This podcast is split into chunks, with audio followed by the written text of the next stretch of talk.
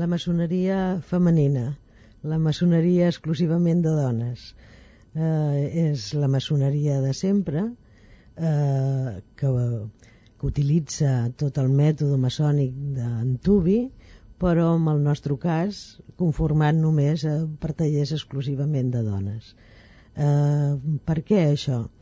Doncs perquè durant molt temps ha estat exclusivament d'homes i no només per això, eh, perquè avui en dia hi ha maçoneria mixta també, la qual cosa també pensem que està molt bé, però pensem que encara ens cal un espai genuí de dones per retrobar la nostra arquitectura interna com a dones.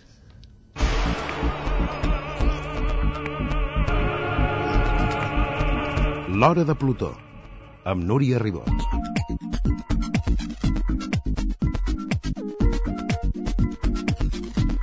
En els últims anys, la publicació de llibres que s'han convertit en bestsellers a tot el món o que s'han portat al cinema ha fet que es tornés a parlar, i molt, de la maçoneria.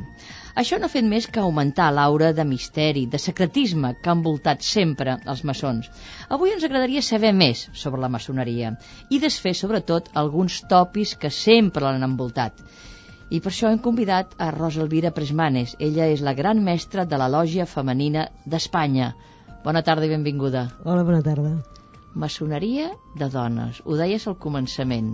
Mm. Però jo abans de tot et demanaria, la maçoneria què és? Ho he mirat a la vostra web, però se'm fa molt difícil d'entendre. És una religió? No, que va, tot al contrari. Més, més quan ens pro proclamem laics i laiques. Què és? Eh, és, és el que es diu de forma ancestral una escola més, un ordre, és una ordre iniciàtica. De fet, eh, podríem dir que és una ordre iniciàtica. Un ordre eh, doncs vol dir una, una comunitat de gent, o sigui, un, un conjunt de gent, en aquest cas una associació, nosaltres en aquest cas una federació d'associacions de dones. Eh, I iniciàtica, eh, doncs iniciàtica perquè tot el que són les escoles ancestrals, tant ancestrals com la humanitat de misteris, doncs és el, el que ha arribat recollint fins a hores d'ara, fins al segle XXI, la maçoneria. Tota els mites i els rites ancestrals que han anat d'escoles a escoles de coneixement i han arribat doncs, a lo que és a l'inici al 1717 de lo que és l'ordre maçònica doncs, a, a configurar-ho en, aquest, en aquesta època de la història com una ordre eh, iniciàtica. Rosalvira sí. continuo sense entendre. Sense I a mi m'agradaria, sí, no. perquè, a veure, recollir el coneixement totes les escoles recullen coneixement. Aleshores, quina mena de coneixement? És una qüestió espiritual? Interior, ja has deixat clar que no és una religió, mm -hmm. tot i que molta gent en els inicis estava, era una escola, deien, de l'Església Catòlica, no? Era l'escola del coneixement, que d'allà sortien, però d'això ha passat molts i molts anys i s'ha anat separant, absolutament sou laics.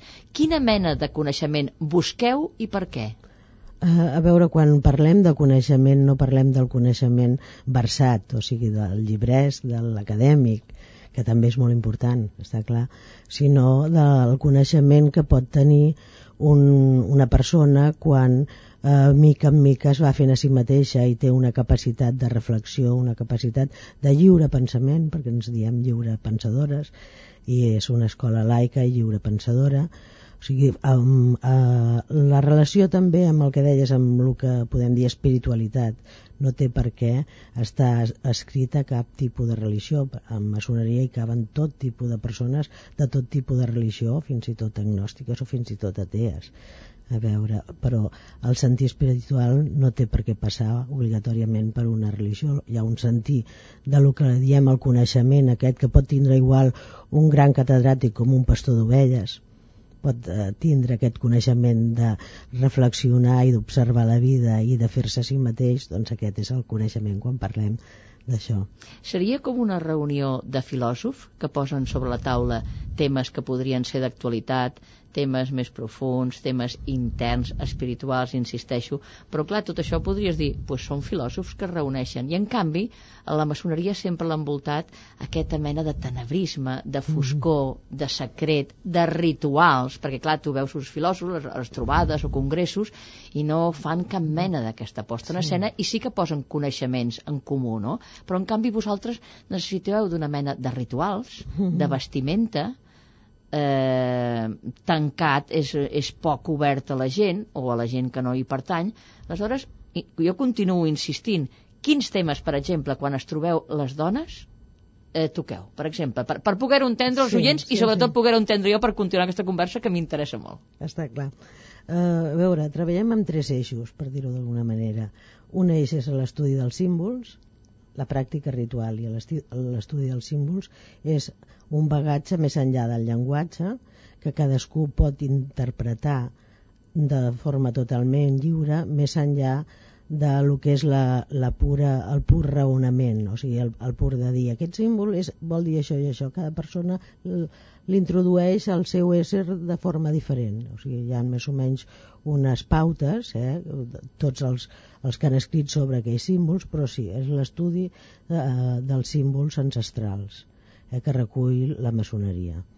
Un altre eix de treball és el pensament filosòfic, o sigui, tot aquest bagatge ritualístic i simbòlic que es treballa després és a través de la raó, perquè també és una escola de la, de la raó nascuda a l'època de la il·lustració i per és molt important no només eh, la part més eh, metafísica, podríem dir, no metafísica no seria la paraula, però sí sentida dels símbols més enllà de les paraules, sinó també portar aquest sentir a través del pensament i de la raó a l'exercici de la filosofia. Per tant, eh, filosofia també, també és una, un eix de treball que, que practiquem.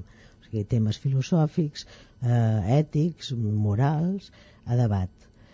Uh, I llavors un altre camp també de treball és com això, tots aquests bagatges es tradueixen al món social, o sigui, la societat.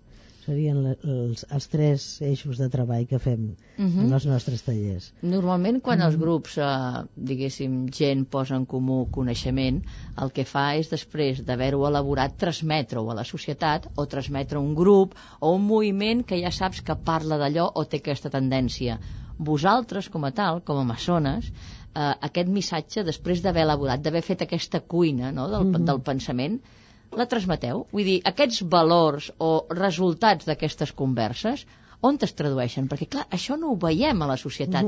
És molt secret, insisteixo en el secretisme, que diu, sí, aquests senyors parlaran d'això molt interessant i potser ens podrien beneficiar molts i en canvi no ens arriba. El vostre missatge no es fa públic. O sigui, no hi ha un pro proselitisme, de... això sí, sí, perquè és que eh, en una escola de lliure pensament on el, el mètode el que és el màxim respecte i tolerància a les diferents formes de veure.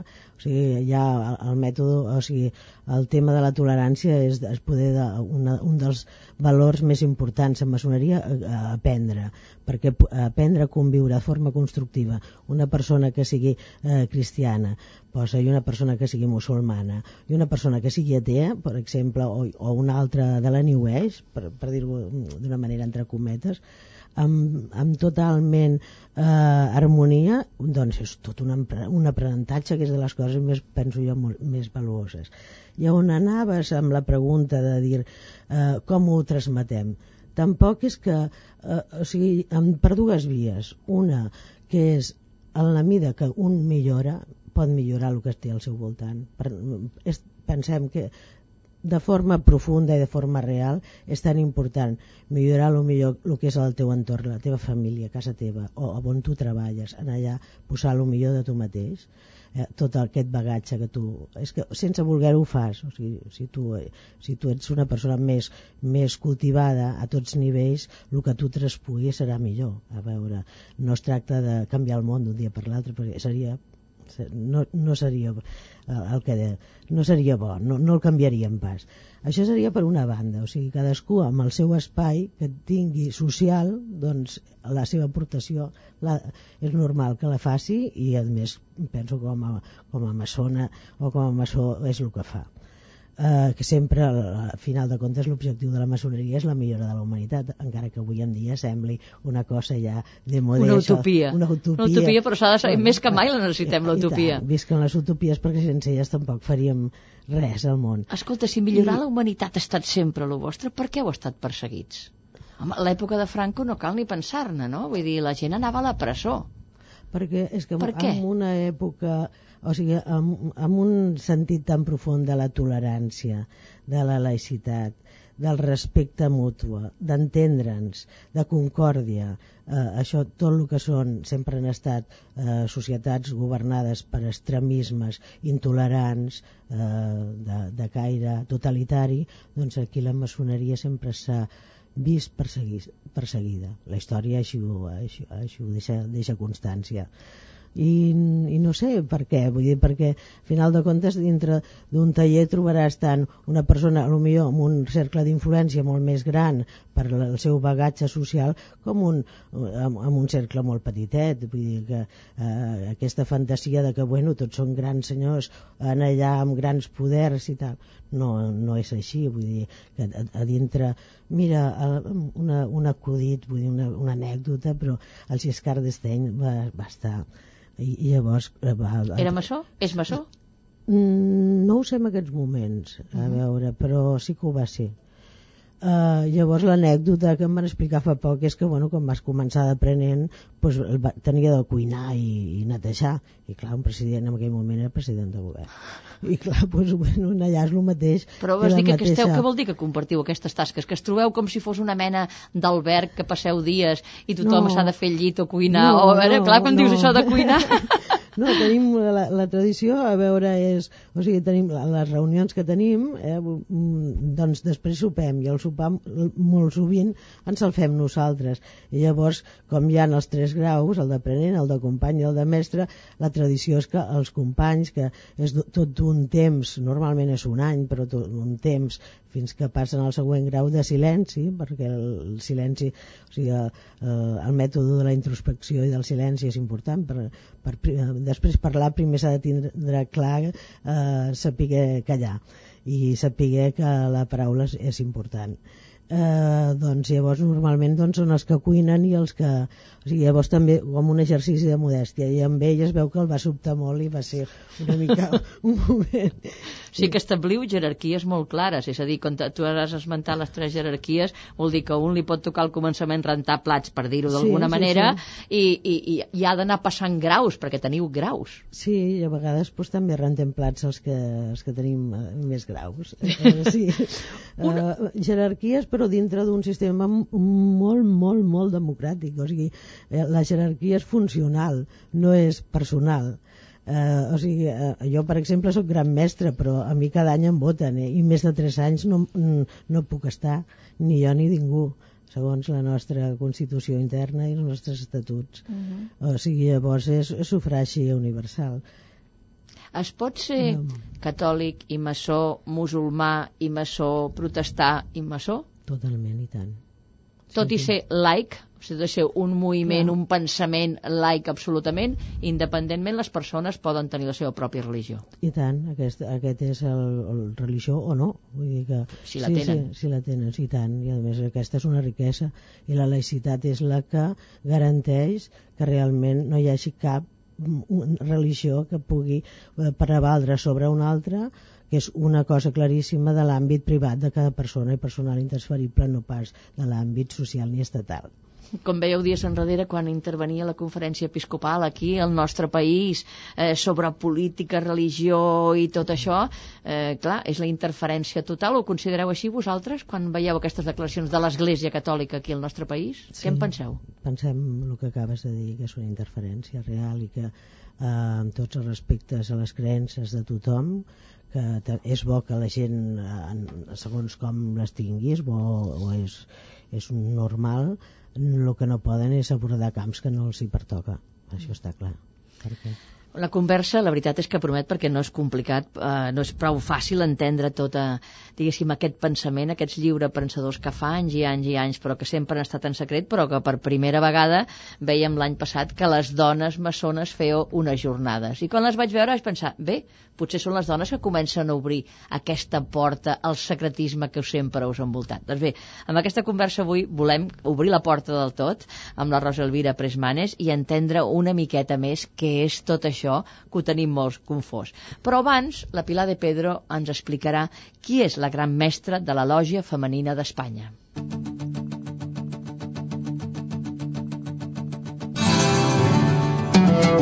Rosalvira Presmanes, gran mestra de la Gran Lògia Femenina d'Espanya, és maçona des de fa 18 anys. Explica que va arribar-hi per inquietud personal, que la maçoneria li va semblar una via seriosa de desenvolupament per reflexionar sobre les qüestions bàsiques de la vida. Malgrat els tòpics, la nostra convidada diu que quan la gent s'assabenta que és maçona, com li passa sobretot des que ha estat escollida gran mestra de la Gran Lògia Femenina d'Espanya, es queda una mica estranyada, però molt menys els que es pensava. Rosalvira Presmanes té tres fills, és llicenciada en antropologia, especialista en la simbologia de la muntanya de Montserrat i la seva contribució a la creació de la identitat catalana i treballa a l'administració pública amb el camp del benestar social. Quan té temps lliure, a la nostra convidada li agrada molt la lectura i passejar per la muntanya. Per fer una bona caminada ens recomana la ruta de les ermites del massís de Montserrat. Un tret del seu caràcter és que és molt vehement defensant els seus punts de vista. També és molt treballadora i té un temperament fort. Reconeix que de vegades té un punt una mica irascible. No sabem si serà per la influència dels astres. Rosalvira Presmanes és aquari ascendent aquari. L'astrologia també li agrada molt. Diu que és un món ple de simbolismes, igual que la maçoneria. De fet, al web de la Gran Lògia Femenina d'Espanya expliquen que la maçoneria és un ordre iniciàtic i filosòfic que a través de l'anàlisi i l'aplicació programada dels símbols, seguint un mètode ritual fruit d'una llarga tradició històrica, facilita un procediment de creixement o construcció personal. Si teniu curiositat per saber-ne més, ens recomana un parell de llibres Masonería, leyenda, historia y mito de María José Calzada y Las mujeres en la masonería de Natividad Ortiz, Premi Victoria Kent de la Universitat de Màlaga. En prenem bona nota. Rosa Elvira, els llibres han, han crescut com a bolets al voltant de la maçoneria en aquests dos o tres últims anys. Em sembla com una cinquantena de llibres, vull dir. Uh, això és bo? Us reflexen bé? Perquè jo llegia l'altre dia unes declaracions de Ferrer Vinimeli, un, un expert, mm. historiador, diu, s'ha posat de moda, però el rigor brilla per la seva absència. Estic d'acord amb aquest cas sí. O sigui, tot és molt espectacular i són, doncs mira, best-sellers per vendre, mm -hmm. que és per això que s'escriu, perquè és una cosa, al, al ser així estranya o o molt balada, doncs llavors en aquí doncs, es poden posar molt, moltes coses per poder vendre i que sigui una novel·la pues, senzilla, que és el que a vegades pues, vol la gent per distreure's, però rigoroses poques. Però rigoroses poques, aquestes que recomanaves tu almenys. Però, per exemple, amb aquests rites iniciàtics aneu vestits d'una forma especial les dones, mm. em comentaves abans de, de començar el programa, eh, vosaltres aneu totes de negre, i clar, eh, hi ha uns que van amb davantals, tota una sèrie de coses, de rituals, que clar, això ho fa molt llaminer, diguéssim, de cara en fora, perquè dius, aquesta gent, per parlar de tot això que sembla tan bé, per millorar la humanitat, per fer reflexions de qualsevol mena, per què s'han de disfressar d'aquesta mena? I jo t'ho trasllado sí, així sí, mateix, sí. per què? Doncs, eh, a veure, precisament, eh, a veure, perquè la pràctica del ritual és, té de ser seriosa a veure, el, el, el ritual és que, que el com que ens ve eh, ancestral de, de, des del temps de la història. O sigui, podem dir que eh, observem rituals similars als maçònics d'ara doncs amb tots els rites eh, d'iniciació que hi ha a través de, de, tot de tot el món, amb totes les cultures i, i, i llavors pel que fa la cultura occidental podem parlar de 3.500 anys abans de Cris i més enllà encara. Eh, entorn eh, és curiós perquè els primers i això com a dona m'agrada dir-ho i com a maçona fem, de maçoneria femenina ens agrada també recordar-ho doncs que els primers rites i els primers mites de la humanitat sorgits al Mig Orient amb l'edat de bronzo eren doncs tot el culte a la fertilitat i a les dones i a les deesses, que ara també està una mica de moda això. Uh mhm. -huh. de, però és així, des de llavors en ara doncs, eh, tot aquest coneixement ha anat passant doncs, per la història fins que amb els maçons eh, operatius, que eren els homes lliures i dones també n'hi havien, eh? Eh, constructors, en aquest cas majoritàriament constructors de catedrals, eh, però lligam amb l'església, com deies abans, no és que hi havia, o sigui, eren els, els contratants d'aquella època. Eh? I llavors...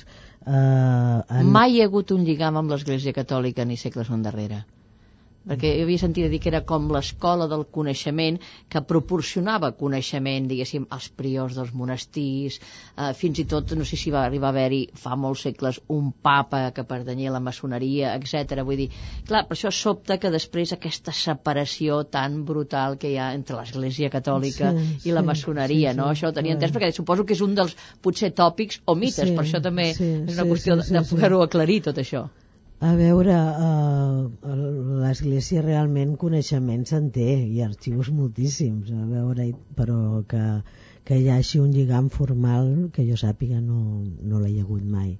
A veure, des del, del inici de la maçoneria formal al 1717 eh, dintre que va sorgir a Anglaterra dintre d'una universitat més no catòlica sinó més protestant per dir-ho d'una manera ni, no l'ha tingut mai i llavors el fet d'aquest aquest esperit laic, aquest esperit lliure pensador, aquest treballar eh, no m'agrada la paraula espiritual eh, sense, m'agrada dir-la però sense que estigui clar sense connotacions tam, per, no tenen per què ser religioses també. Doncs això eh, amb tot el sentit de laïcitat i de- i d'entendre de, que aquest sentir espiritual va més enllà de les religions formals també o, o pot anar no és contradictori tampoc. Doncs això per la, i per, per la història doncs ha fet un poder una, en segons quins moments històrics una poca entesa.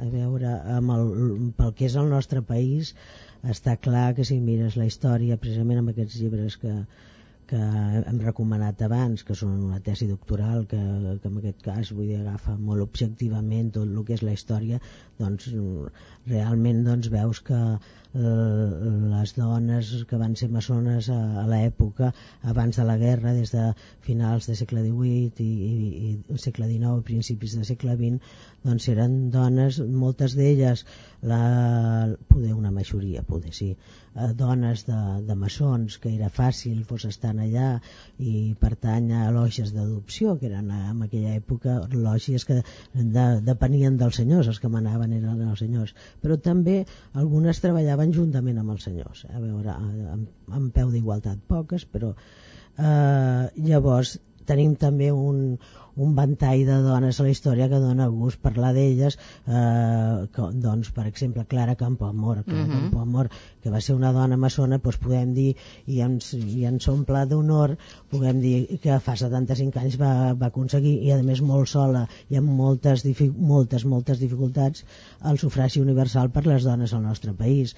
Eh, no sé, Ángeles López de Ayala que va ser una dona que va, era andalusa però va viure molt a Catalunya maçona que podem dir que era pues, una de les iniciadores del feminisme a Catalunya eh, etc. o sigui des de la, des de la, la filla del Cerdà de l'Idalfons Cerdà, la Clotilde Cer- Cerdà dones, eh, a veure hi ha eh, Carmen de Burgos Rosario de Cunha a veure S'ha dit que les maçones han estat les primeres feministes a Espanya. Això ho ha dit jo, el... jo crec que podem dir-ho, bastant, sí perquè eh, eh, totes aquestes dones, Victoria Kent, etc, o sigui, eren maçones i van i això Però curiosament es apartades dels maçons, perquè estem parlant que- d'unes és que- èpoques és que en què els homes tenien la paella pel mànec i el continuen tenint, eh? perquè ara esteu, esteu separats i n'hi ha de mixtes, però a mi m'agradaria saber Sí. si esteu en peu d'igualtat quan és això de mixtes, perquè està Sí. molt bé la reflexió entre dones, però en tant en quant, si això no ho comparteixes amb els homes, perquè la societat és així, afortunadament és així, estem un i l'altre, vull dir, totes aquestes reflexions que són bones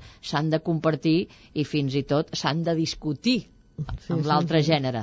Jo crec que sí que podem dir que estem en peu d'igualtat dintre de la maçoneria, eh? tant en mixtes com en femenines soles, a dintre del que és la maçoneria que li diem liberal, quan diem liberal no, no parlo de liberalisme econòmic, parlo d'aquell adjectiu que li, ja se li ha posat. Que se li ha perdut el sentit. Ah, Exacte. Oberta, Exacte. tolerant. Exacte. Doncs eh, en aquesta maçoneria podem dir que sí, que realment estem en peu d'igualtat. El que passa que eh, nosaltres, eh, per què l'opció de dones soles? Perquè malgrat estar en peu d'igualtat formal, igual com passa a la societat, perquè el que passa a la societat és el mateix que passa a la maçoneria, tots som, eh, no som d'un altre món, eh? eh? Doncs què passa? Doncs que acaben sempre manant els homes perquè són molts, molts segles, eh?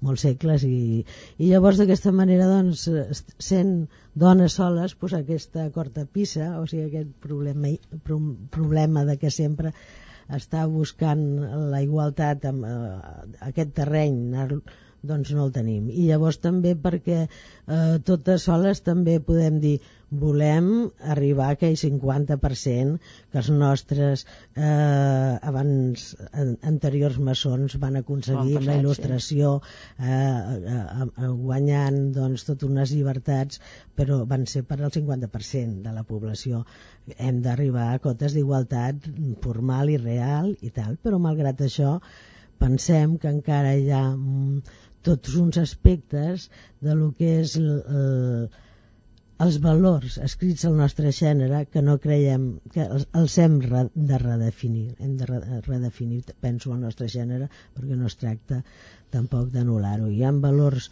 pensem femenins que, que els volem posar en peu d'igualtat també mm -hmm. Has esmentat un munt de dones eh, dones maçones i corre el rumor que vosaltres esteu movent els fils dintre del govern Rodríguez Zapatero Ui. què n'hi ha d'això? Que si l'avi era maçó, que si Rodríguez Zapatero ho és d'això jo no en sé absolutament res ara tothom en parla però no, vaja, jo no em puc donar compte no em puc donar compte mm, perquè no ho sé sincerament ni ni crec que, que, que si ho sapigués tampoc eh, seria és parlar d'altres persones però és curiós, dir que però... és catòlic o no catòlic o ateu sí que ho diem amb tranquil·litat al nostre país i en canvi posar sí. aquesta etiqueta de maçó o, o no maçó dius, no s'entrarà en la intimitat senzillament és una pràctica sí, eh, que, que la pots comparar amb una religió o amb una altra o, encara que no sigui, ho entenc perfectament que no és una religió però dius, per què aquesta Lluís Companys ho va ser-ho, no? Vull dir que a Catalunya sembla que hi ha hagut bastants partits polítics, no? Sí, sí, el que passa que normalment un costum entre els maçons és, jo puc dir, jo sóc maçona, ara jo no puc dir fulanita de tal o fulanito de tal ho és. Ell, ell o ella farà el que cregui convenient. Quan som morts sí que a vegades sí que es diu eh, ja una vegada mm, han passat uns anys de la seva mort i tal, doncs llavors ja és un tema històric i tal, i sí que sorgeix. Però la costum és aquesta cadascú és molt lliure per moltes coses i per aquesta també de, de dir-ho o no dir-ho perquè com ha estat bastant perseguit a vegades en èpoques de la història doncs la costum ha sigut aquesta. Us considereu una mica un lobby amb el sentit d'un grup que té unes idees, que té uns plantejaments i que pot pressionar d'alguna forma, perquè, vull dir, si el que perseguiu és millorar la humanitat, això hauria d'estar tot arreu en primera, en primera fila, no? en primera línia. Seria un lobby per millorar la humanitat, seria fantàstic.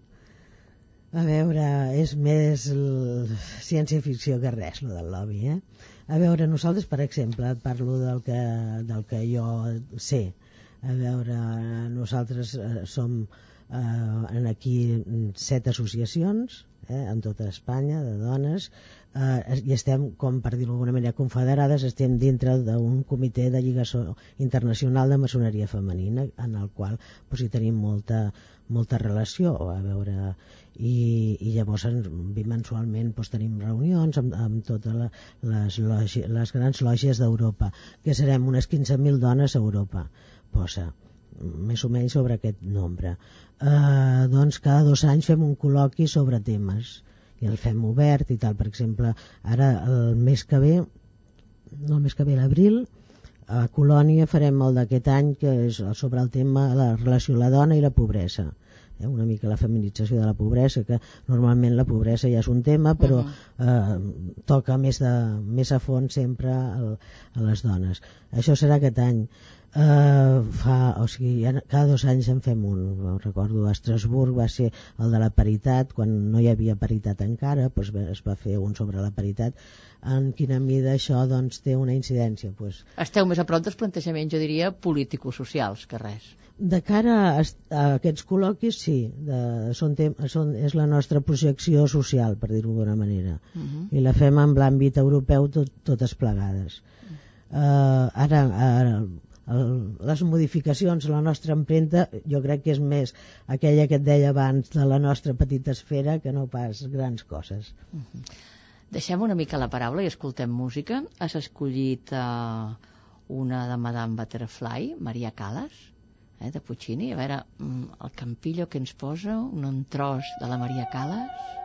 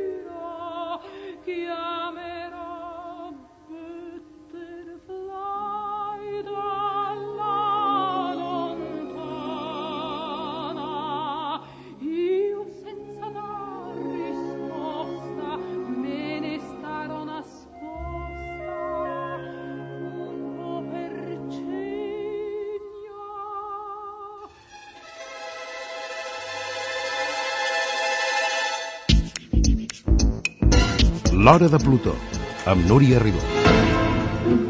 I continuem la conversa amb Rosa Elvira Presmanes, gran mestra de la lògia femenina d'Espanya. I estem parlant de la maçoneria, intentant allò esbrinar tots aquests punts que de vegades ens semblen foscos. Teniu alguna mena de de llibre, de manual, per dir-ho així.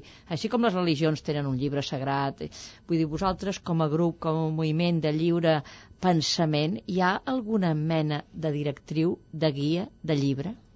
No. O sigui, la tradició, la transmissió de la tradició és la transmissió oral. Eh? I és l'estudi dels símbols, els símbols estan recollits amb, amb llibres, els diferents símbols que treballem, però no hi ha cap eh, cap veritat absoluta. Uh mhm. -huh. Nosaltres ens, ens proclamem, eh, les nostres divises són les de sempre de la maçoneria, llibertat, igualtat, fraternitat, però també ens proclamem com a laiques i adogmàtiques. O sigui, tot el que, clar, per un lliure pensador, un dogma no, no pot existir. Mm. Parlem dels símbols, perquè fins i tot quan uh, Pilar de Pedro feia una mica el teu perfil, uh, pocs convidats, quan se'ls demana quin signe del zodíac és, diuen, ah, això què és? Una bestiesa, no sé què. Poca gent, i poca, la gent quan et diu ja l'ascendent vol dir que sap una mica, que ho busca, i en aquest cas uh, tu et vas mostrar interessada, aquari, ascendent aquari, i a més és especialista en simbologia de la muntanya de Montserrat ciutat. A veure, explica'ns una mica, quina simbologia aquesta muntanya? Perquè d'aquesta muntanya també s'han dit moltes coses, com sí. màgiques, per entendre's, no? Sí. Aleshores, quins símbols, què hi estudies tu amb aquesta muntanya que ho puguem entendre i que et pugui servir a tu per transmetre o entendre coses? Ah, bé, un, el símbol que primordial de la muntanya és la mateixa moreneta la moreneta és un símbol claríssim. Clar, però de verges n'hi ha tot arreu. A Núria també hi ha una altra, la verge de Núria, sí, que és de la mateixa, sí. diguéssim, família negra, per dir-ho així, no? Vull sí. dir, clar, és un símbol, sí, és veritat, sí, però vull dir... és la patrona de Catalunya i és un, a veure, és, és negra, o sigui, està dintre del que són el simbolisme de totes les verges negres, que és, a veure, uh, bueno, uh, és el símbol de...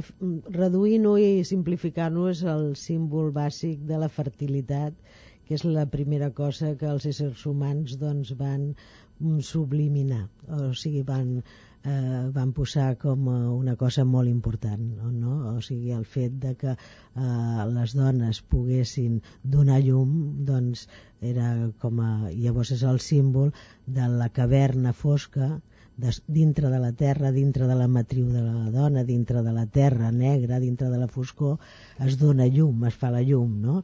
I bueno, tot això és, és un símbol claríssim també de lo que és l'escola iniciàtica a veure, perquè eh, la iniciació, per això, dèiem, re, re, d'abans, que som un ordre iniciàtica, doncs una persona que passa per un ritual d'iniciació doncs passa doncs, per uh, un virtualment morir, o sigui, a, a, a, i reneixer, o sigui, la mort i renaixement que és un, és un mite recurrent des del cristianisme del mateix Jesucrist fins al, al Dionís de ja preumèric, a veure, que sempre el mateix, que és no res més que la lectura atenta dels éssers humans a la natura de la qual depenen i que, bueno, que d'això en fan tot un, tot un món de, de, de voler-ho de, de voler explicar. Rosa, hi ha un abans i un després d'entrar a la maçoneria. Tu portes 18 anys.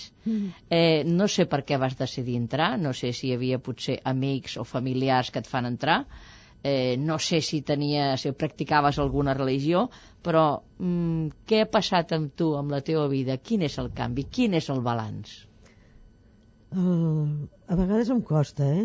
Ja veure-ho en perspectiva. Estic tan imbuïda que m'agradaria a vegades tindre més perspectiva. Primer, per què hi vas entrar? A veure, que es produeix una necessitat o, o veus que algú hi està al teu voltant i t'interessa? En el meu cas hi havia una germana meva, una, una familiar, i, uh, i, però podríem dir que uh, la meva intenció poder, seria molt similar també a la de la meva germana en aquest cas, doncs eh, és buscar a, a veure tenim moltes mm, a veure moltes escoles diferents de, de creixement personal, que és el que es diu ara, creixement personal, però estan dintre una mica de lo que és el món de, eh, mercantil. I en aquest cas doncs, és una, una escola, penso jo, doncs, seriosa i que no està dintre del món mercantil, sinó que està dintre del món de l'associacionisme, entre cometes. Vull dir que, que que no és allò de ara fa ioga i després fa tai chi i després vaig a la piscina però després vaig a, a fer tarot eh... i després passo un rato amb aquesta reunió amb les maçones. Ah, no, no és, no és així. Vaja. Eh, que, clar, quina és la periodicitat que es trobeu? Vull dir, i sou moltes el grup aquí a Barcelona o venen de tota Catalunya i es reuniu, eh, que és mensual, cada quan? Hi ha moltes dones a Catalunya interessades? Perquè deies 15.000 a Europa, són molt poques. Són Realment poques. és curiós, sí, perquè sí, clar, una cosa així de reflexió ha de cridar més mm. l'atenció. Aleshores, continuo pensant, o bé, que està molt tancat i és molt secret o mm, no sé el per què, perquè 15.000 a Europa no és res mm -hmm. i més que en uns moments que la gent contínuament està buscant-se el per què, sí, s'està sí. buscant interiorment aquest creixement i està aplicant moltes tècniques, com tu deies, sí, sí. pot anar a fer que pot anar a fer moltes coses, no? I en canvi, com és això? Sou vosaltres que sou molt restrictius? Mm, som una mica restrictius, però tampoc, eh, tampoc és, no és el tema de ser restrictius perquè al final de comptes si algú vol ser maçona l'únic que ha de fer és, és demanar-ho i llavors eh, es mira molt doncs, que tingui sobretot una sinceritat a l'hora de sinceritat amb ella, amb, aqu amb ella mateixa de voler eh, avançar o sigui que amb, amb bona voluntat diguéssim eh, que no sigui una, una, una videsa més de, de consum de cosa perquè sí, perquè tampoc li serviria de de res, perquè a final de comptes eh, aprofites el camí aquest en funció de que tu el vulguis aprofitar. O sigui, llavors, i cada una l'aprofita de forma força diferent. Uh -huh. és, és molt tu amb tu mateixa com allò ho trasllades a tu mateixa uh -huh. si els és... principis màxims eh, bàsics són de, que em deies liberalisme en aquest sentit de tolerància, d'obertura jo imagino que teniu que que ha d'haver-hi moltes discussions i reflexions sobre el moment que estem vivint la societat d'intolerància. Dies enrere, per exemple, vull dir, intolerància política, no? Dies enrere quan volia la Dolors Nadal del PP fer una conferència a la universitat a Barcelona que se li van tirar sobre i no van permetre la intolerància que hi ha entre les religions que estem patint. La violència mateixa és una forma d'intolerància, no? Vull dir, clar, esteu, sou com una illa enmig d'una societat cada vegada més intolerant, no? Sí, poder sí. A, a veure, però dintre, o sigui, el mètode, el mètode maçònic és mai es parla dintre de lògia, ni de política ni de religió. Això sí que és una màxima. No es parla de no. política ni de religió. No. O sigui, és, és com et deia abans, o sigui, es parla de, s'estudien els símbols. Cada un interpreta lliurement els símbols i els, els incorpora al seu bagatge de forma molt lliure i molt personal, perquè és un, llenguatge eh, més enllà del llenguatge. Eh, parla, parlem de filosofia però de, de coses de l'existència o sigui, més, no, i parlem de, les, de temes socials però no entrant en política ni en religió. I per una altra banda tots aquests temes es toquen amb el rigor del mètode maçònic per exemple dintre d'una reunió eh, mai una persona primer es demana la paraula, se't dona la paraula, tens l'ús de la paraula, eh, o sigui, hi ha un ordre. Això també és un bon aprenentatge. Eh? Eh, una llavors, jerarquia estricta, sembla, no? No és una jerarquia, a veure, és, un, és una forma de funcionament que garanteix eh, la no confrontació. O sigui, com, com l'escola és una escola constructiva, que ja ve dels constructors, eh, simbòlicament parlant. O sigui, llavors mm, si un diu blanc l'altre mai li dirà eh, això que has dit que és blanc no és blanc perquè és negre. Un dirà això és blanc. I l'altre s'aixecarà i quan li toqui parlar amb ordre dirà això és negre. I llavors les conclusions es, es diran eh, s'ha dit que és blanc, s'ha dit que és negre i ha, això altre i això altre. I això és la suma això és, el... llavors clar és una escola important eh? perquè hi ha vegades doncs, que tots tenim el no... la nostra passió per les coses eh, i, i, i és, una, és un aprenentatge de tolerància i de profunda comprensió de dir si això que és negre i l'altre està dient que és blanc doncs possiblement doncs mira, eh, ell, aquesta persona doncs, està visquent així i ho està explicant d'aquesta manera i a lo millor en algun punt trobem aquest gris perquè la veritat absoluta no, està clar que no, no la tenim ni un ni l'altre la veritat absoluta és la suma de totes aquestes visions. Uh mhm. -huh. O sigui que no s'intenta arribar a un consens de llimar puntes d'un i de l'altre, sinó que quan ha, ha acabat aquesta reunió o aquesta discussió, dius, queda com si fos un acte, sembla, per la forma que ho dius, un acte, aquest pensa així, aquest pensa així, i cadascú surt com ha, ha entrat, aleshores, perquè si cadascú continua pensant en blanc i en negre, eh, no sé quina és la, la mm. conclusió positiva de no treure'n, eh, de canviar canviar o de reflexionar sobre l'altre, no l'ha convençut de res i torna a casa igual que ha entrat. No, jo, jo no. Primera que hi ha una, una simbiosi, eh, diguéssim, de, de les diferents aportacions, o sigui, hi ha un, unes conclusions que les unen, eh? Uh, de totes maneres uh, l'exercici de, de voler entendre l'altre i d'escoltar-lo amb respecte ja, mm, ja és sortir molt millor que has entrat només eh? Eh, està clar que el que tu penses pues, és clar que ho mantens amb, amb, amb una cosa o amb l'altra uh -huh. eh, llavors és, és escoltar el que pensen els altres també és el saber escoltar amb respecte mm. No m'estranya que hagis escollit John Lennon i l'Imagine, eh? Vull dir, això de millorar el món. Imagina que el món pogués ser així i tot això. No m'estranya.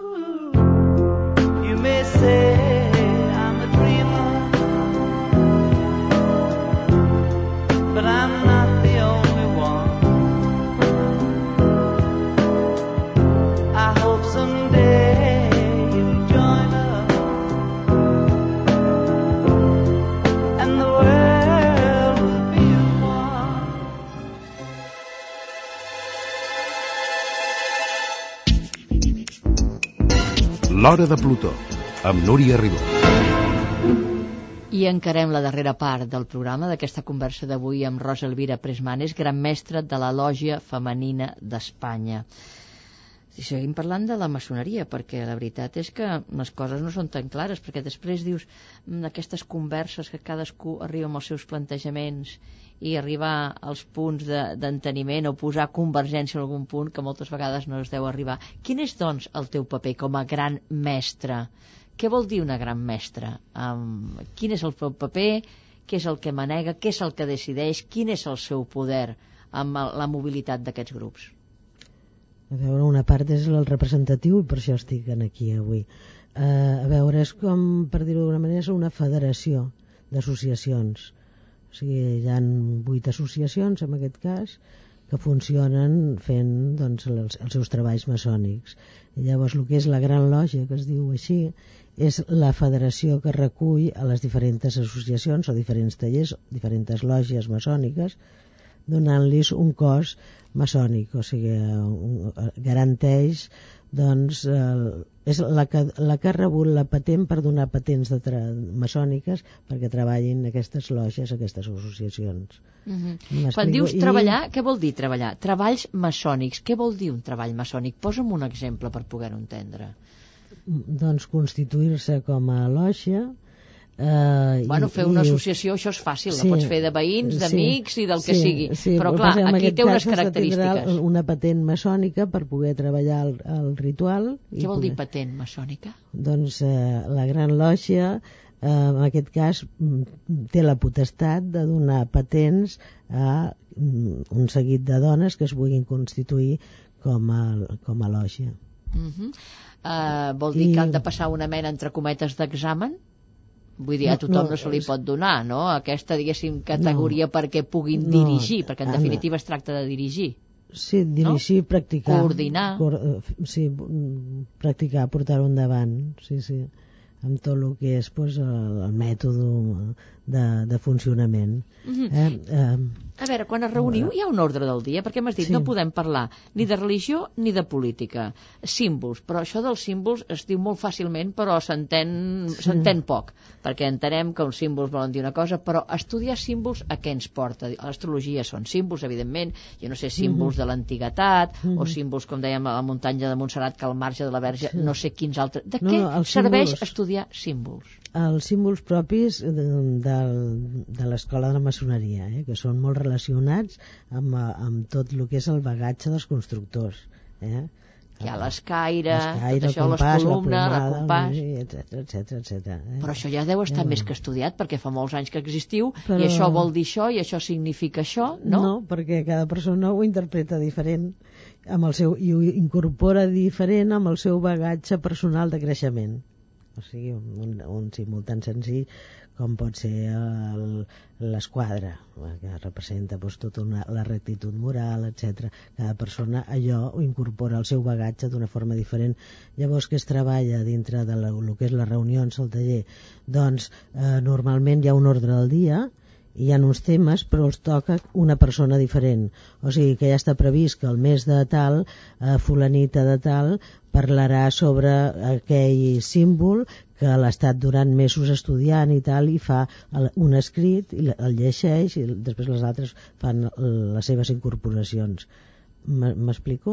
Uh mhm. -huh. o sigui, es, es treballa que es fa un, un està en calendari que fulanita de tal llegirà el seu escrit que so, és durant uns, uns mesos ella ha estat treballant sobre allò i llavors és la seva interpretació personal d'aquell símbol, per exemple, si és un símbol, si és un tema filosòfic, doncs un tema filosòfic, o si és un tema social, un tema social, eh, aquella persona doncs, fa un escrit de dos o tres pàgines i el llegeix. I després d'això, les altres intervenen i ja saben que aquell dia es anirà a parlar d'allò. Mm -hmm.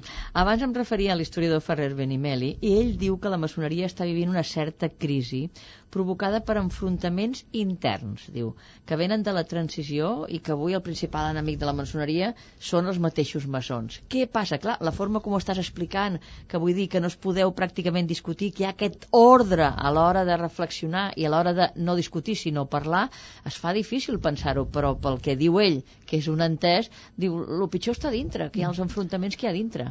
Jo no sé quan va dir-ho això en Maribeli, però amb això discrepo una mica. A veure, enfrontaments interns no, no és que n'hi hagin exagerats. En, en qualsevol col·lectiu humà hi ha doncs, eh, Eh, les discussions possibles que puguin haver-ne i entre diferents eh, diferents grans loges eh, tampoc és un moment de grans enfrontaments, tot el contrari vull dir que eh, hi ha una dintre de lo que són les grans loges liberals avui en Espanya eh, realment hi ha protocols d'amistat amb totes elles i amb totes per lo que és per part nostra i tenim molt bona relació i molt bon entendre. La veritat és que no sou massa gent, eh? Vull dir no, que... no, realment realment no som massa gent. Eh? eh que, que ha, de, ha de ser més fàcil. Ens queda res, menys d'un minutet.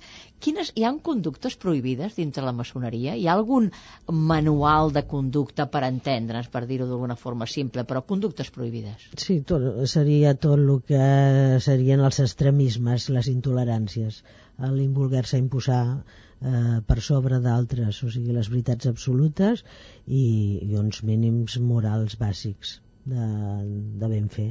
Uh -huh. I els mínims morals que entrarien dintre potser quasi d'un camp religiós? O no? No, no, no té per què religiós, o sigui, d'un camp del sentit comú i de lo que és eh, ser persones amb, amb una honestitat i amb una uh -huh. mínima capacitat de d'honestedat. Ah, S'ha arribat a expulsar gent de la maçoneria? Sí. I això vol dir que hi ha un cert control sobre el seu comportament i la seva vida quotidiana?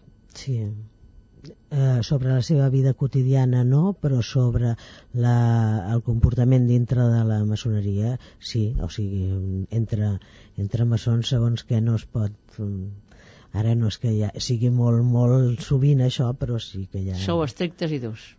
Eh, sí, amb, amb poques coses, però sí. Hem de posar punt final i posem en música celta, que també l'has escollida, a veure, Campi, amb què ens sorprèn.